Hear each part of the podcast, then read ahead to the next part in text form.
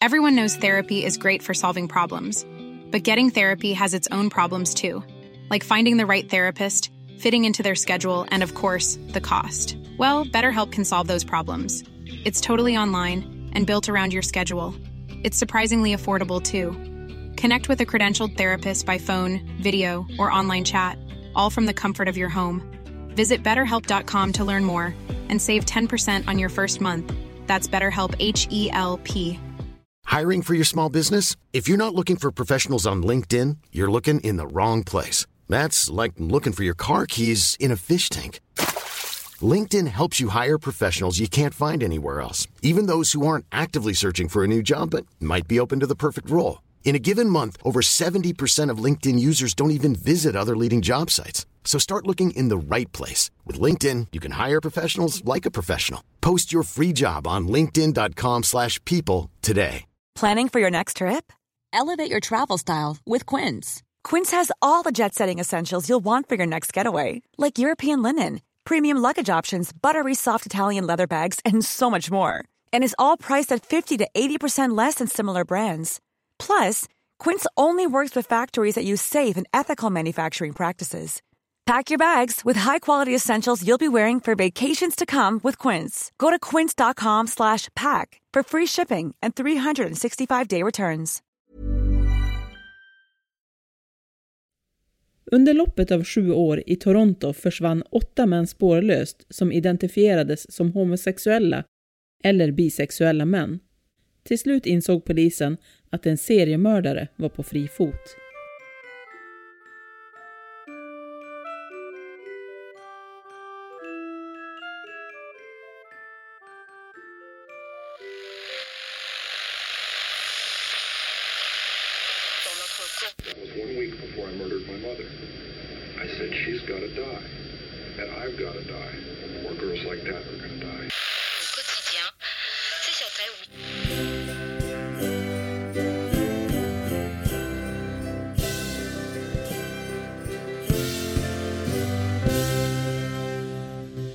Välkommen till Rysarstunden med mig Alex. Och med mig Linda. Tänk att vi redan har kommit fram till säsongens sista avsnitt. Ja, det är ju helt galet vad tiden alltså, har gått fort. Ja, Det bara flyger ju iväg. ja men verkligen. Och så ännu mer galet att vi faktiskt har släppt fem säsonger. Och vi faktiskt planerar och taggar upp för en sjätte. Mhm, eller hur? Men så här kring jul så brukar vi ju ha pratat om någonting julrelaterat. I första säsongen så hade vi ju en påhittad julhistoria om ett paket som ingen ville ha. Ja men just det, minns Ja. du den? Jajamän, det minns jag. ja. Och i säsong tre så pratar vi ju lite grann om var våra svenska jultraditioner faktiskt härstammar ifrån. Och nu i år så kommer vi också prata om någonting julrelaterat. Men i år blir det faktiskt true crime. Ett fall känt som The Santa Claus Killer.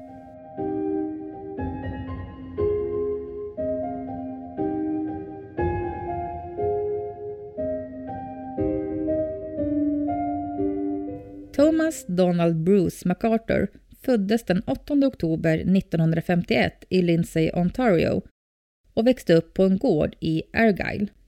Bruce hade en syster, men förutom de två så uppfostrade Bruce mamma och pappa även andra oroliga barn från Toronto. Så det var ofta 6 till 10 barn i huset.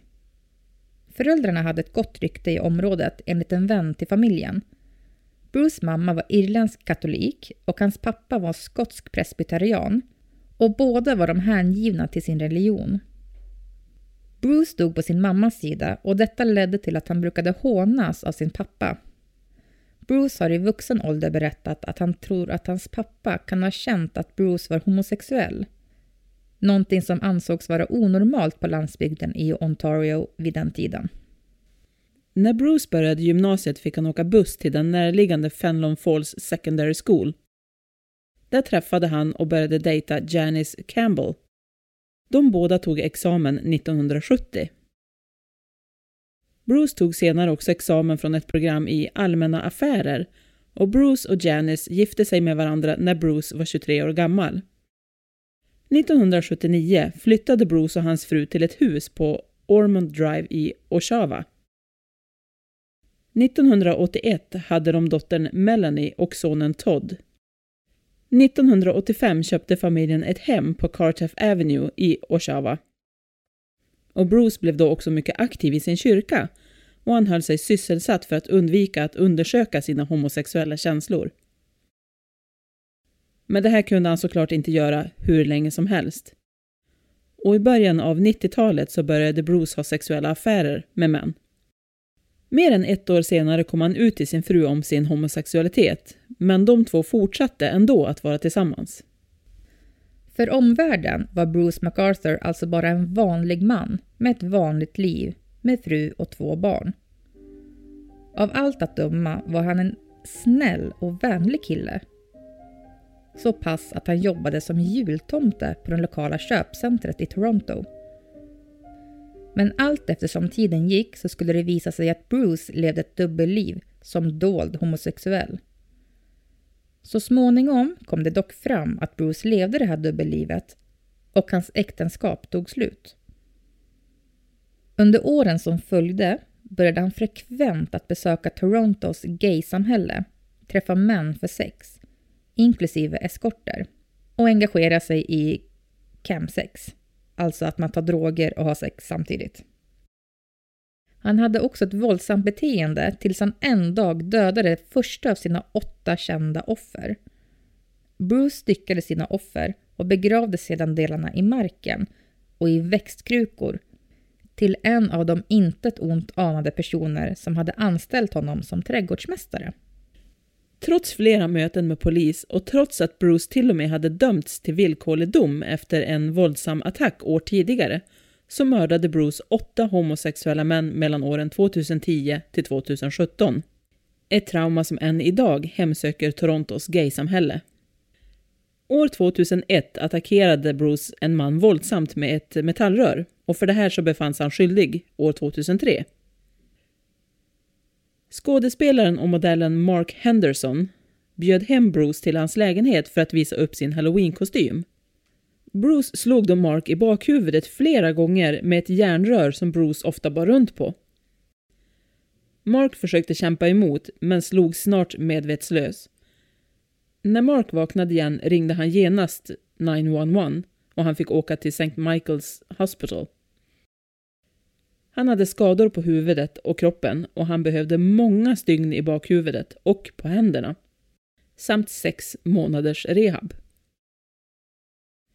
Bruce anmälde sig själv efter attacken men påstod att han inte mindes någonting från den här incidenten eller varför han skulle ha gjort det.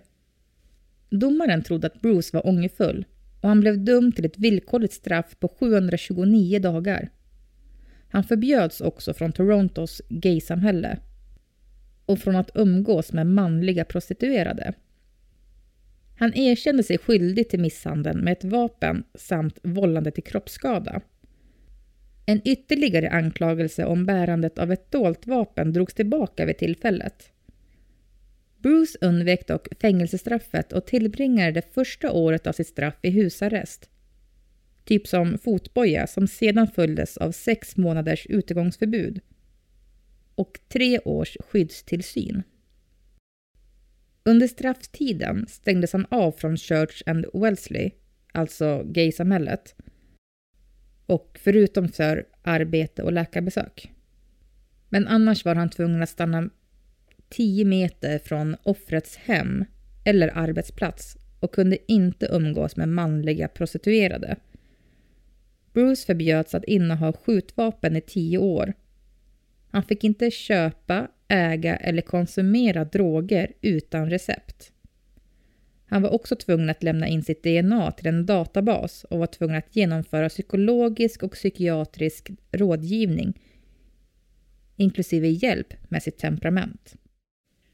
En försvarsadvokat reagerade på att listan med allt vad Bruce behövde göra var ovanlig och antydde därför att domaren kanske helt enkelt var orolig för att Bruce var en fara för alla manliga prostituerade. Lustigt nog så intervjuades Bruce också 2013 som vittne av polisen i samband med att två av hans offer hade försvunnit. Bruce hade länkats till offren via en dating -site. Polisen hade fått veta att han hade ett romantiskt förhållande med Skandarai Navaratnam och att han hade besökt Majid Kaihan. Bruce berättade för polisen att han kände båda de här männen och att han regelbundet interagerade med Navaratnam på en gaybar, men förnekade att han hade ett förhållande med honom. Bruce erkände också att han hade anställt Kaihan som han tidigare hade haft en sexuell relation tillsammans med men som nu var avslutad. Och därmed undvek han misstanke. 2016 blev Bruce även anmäld till polisen av en man som sa att Bruce hade attackerat honom. Och trots sin dom 2003 så lyckades seriemördaren Bruce övertala polisen att allt hade varit ett missförstånd. Och han släpptes. Majoriteten av de män som Bruce riktade in sig på var män med antingen sydostasiatiskt eller mellanösterländskt ursprung.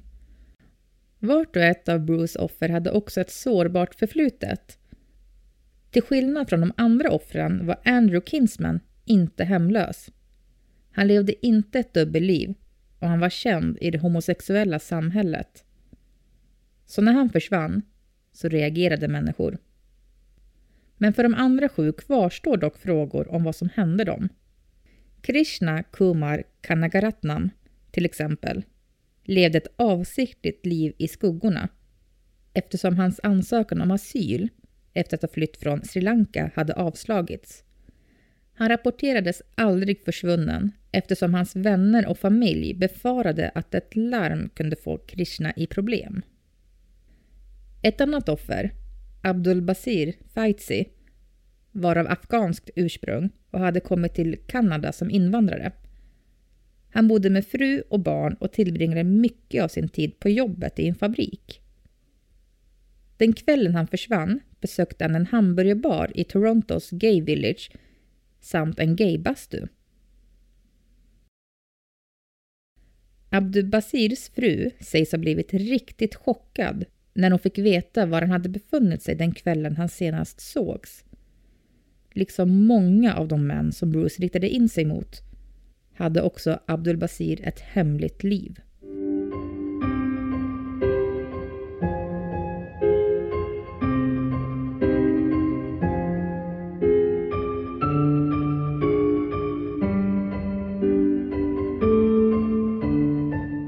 Offret Majid Kaihan var även han gift med en, en kvinna.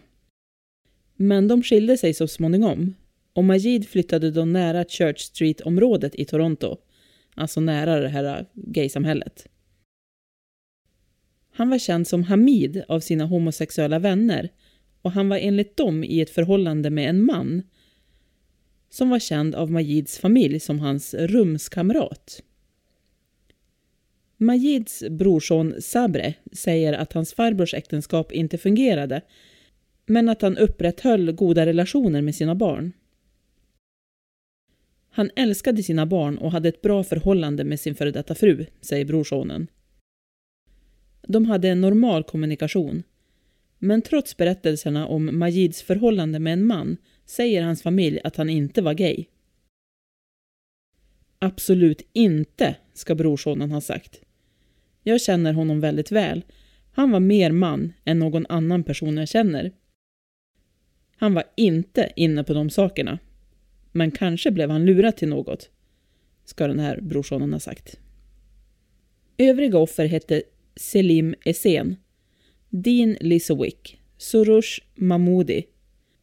Men som vi sa så kvarstår frågor om vad som faktiskt hände med dem alla. För då Bruce erkände morden i rättegången så togs nämligen de fallen inte upp i rätten. There's never been a faster or easier way to start your weight loss journey than with PlushCare. PlushCare accepts most insurance plans and gives you online access to board-certified physicians who can prescribe FDA-approved weight loss medications like Wigovi and Zepbound for those who qualify. Take charge of your health and speak with a board-certified physician about a weight loss plan that's right for you. Get started today at plushcare.com slash weight loss. That's plushcare.com slash weight loss. plushcare.com slash weight loss. Hiring for your small business? If you're not looking for professionals on LinkedIn, you're looking in the wrong place. That's like looking for your car keys in a fish tank. LinkedIn helps you hire professionals you can't find anywhere else, even those who aren't actively searching for a new job but might be open to the perfect role. In a given month, over 70% of LinkedIn users don't even visit other leading job sites. So start looking in the right place. With LinkedIn, you can hire professionals like a professional. Post your free job on linkedin.com/people slash people today. Det var först när polisen kunde koppla Bruce till den försvunna mannen Andrew Kinsman som de sedan började rikta misstankarna mot honom. Andrew hade deltagit i Pride i Toronto och han blev senast sedd i området för sin bostad på Winchester Street, alltså gaysamhället. På kvällen den 28 juni när Andrews vänner hade fått reda på att ingen hade sett till Andrew på flera dagar fick de tillgång till hans lägenhet. De hittade inga tecken på att det hade hänt någonting där, även om hans 17-åriga katt hade slut på mat och vatten. De rapporterade Andrews försvinnande till polisen följande dag. Andrew var öppet homosexuell och hade djupa rötter i samhället och han hade betraktats som en stabil och ansvarsfull man.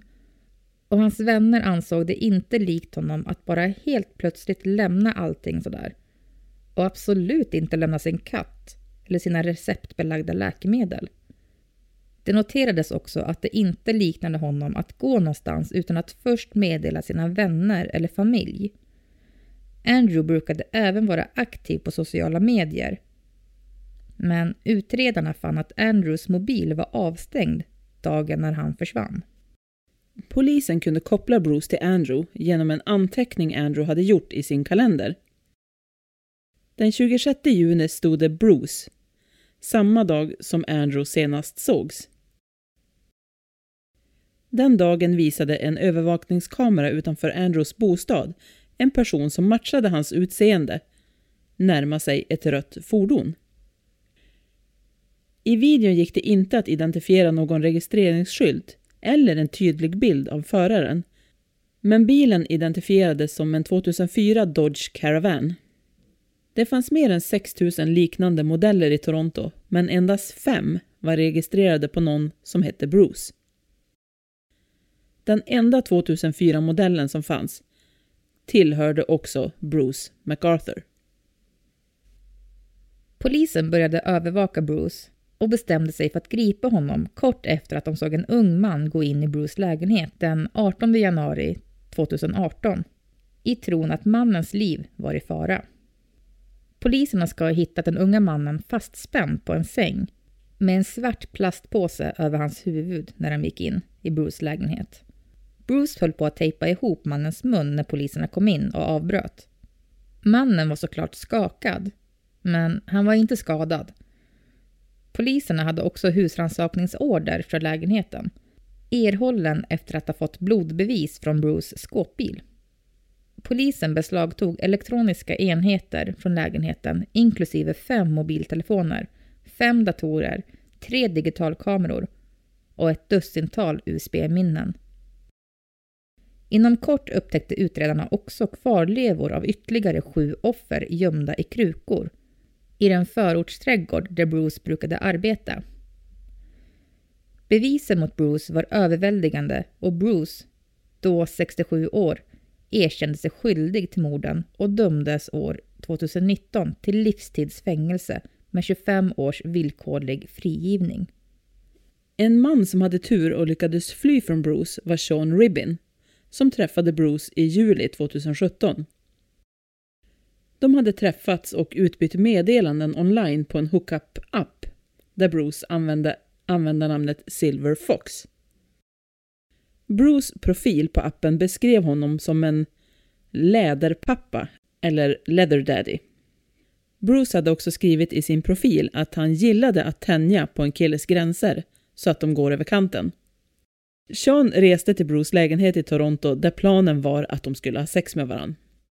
Men Sean svimmade efter att ha använt läkemedlet gamma hyroxybutyric acid, mer känt som GHB.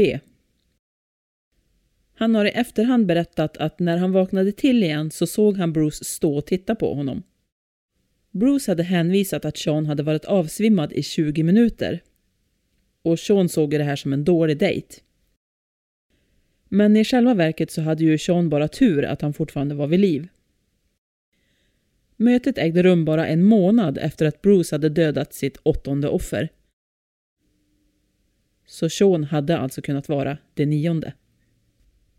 En tid efter händelsen blev Sean kontaktad av en polis som hade berättat att de hade hittat en bild på honom i Bruce dator.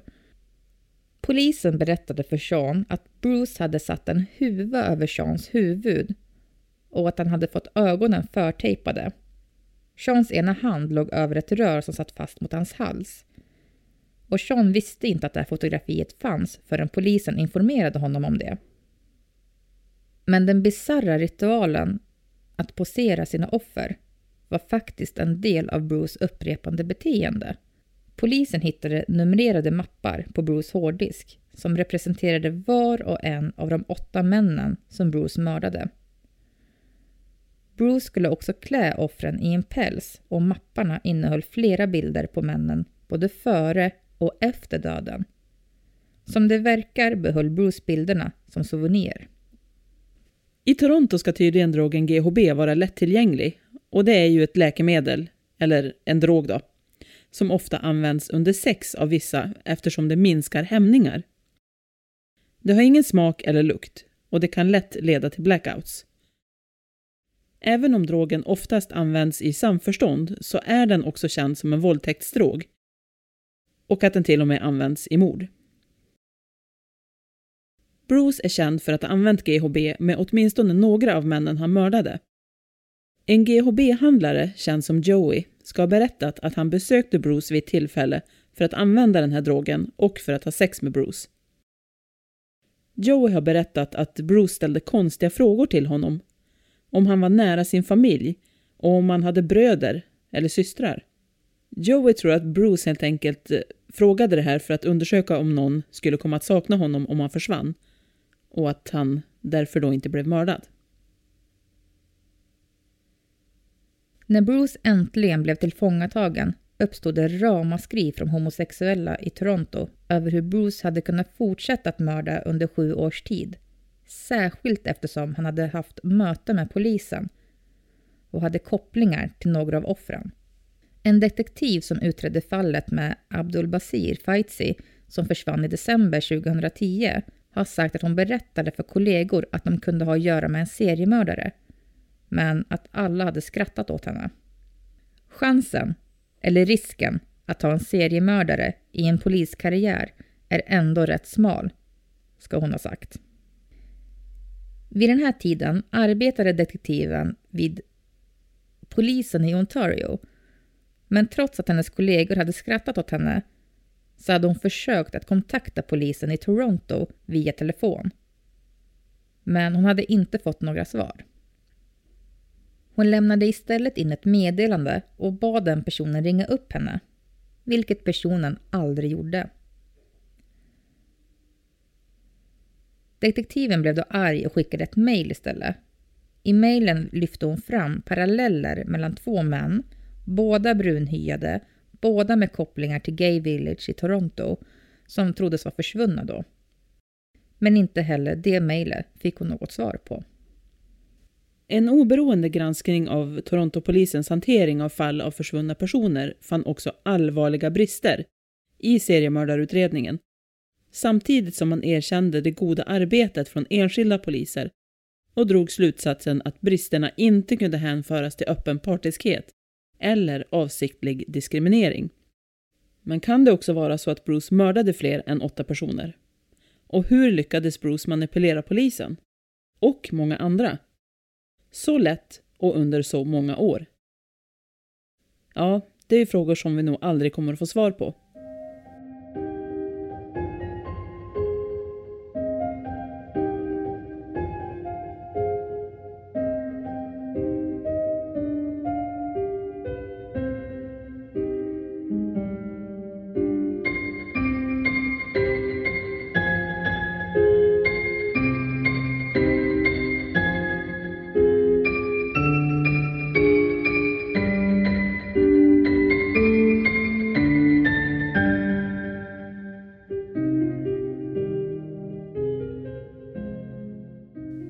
Men det var det om The Santa Claus Killer.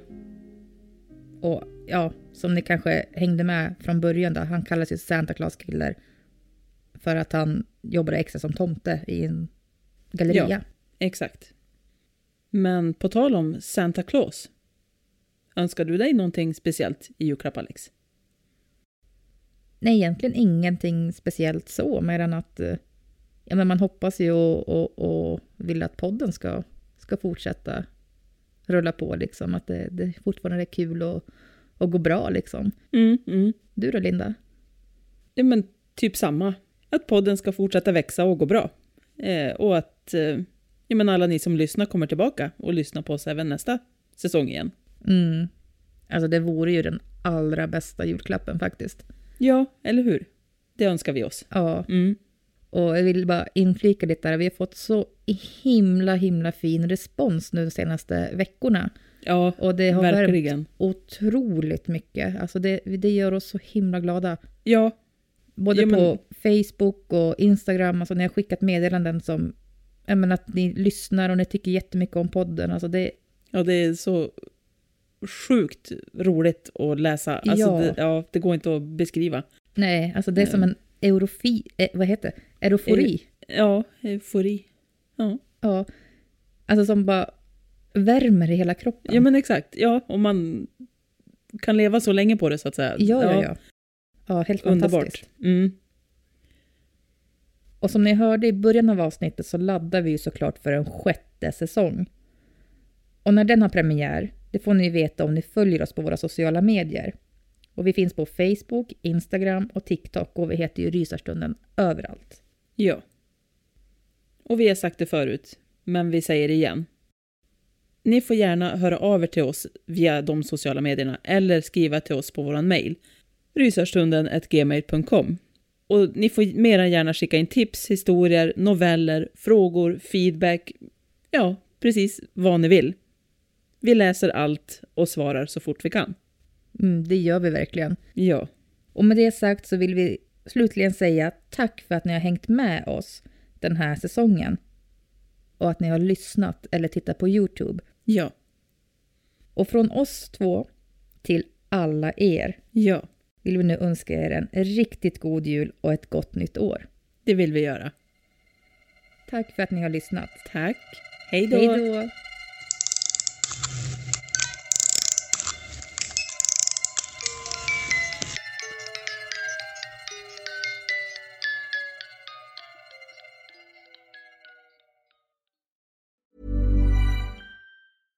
Even when we're on a budget, we still deserve nice things. Quince is a place to scoop up stunning high-end goods for 50 to 80% less than similar brands. They have buttery soft cashmere sweaters starting at $50, luxurious Italian leather bags, and so much more. Plus, Quince only works with factories that use safe, ethical, and responsible manufacturing. Get the high-end goods you'll love without the high price tag with Quince. Go to quince.com slash style for free shipping and 365-day returns.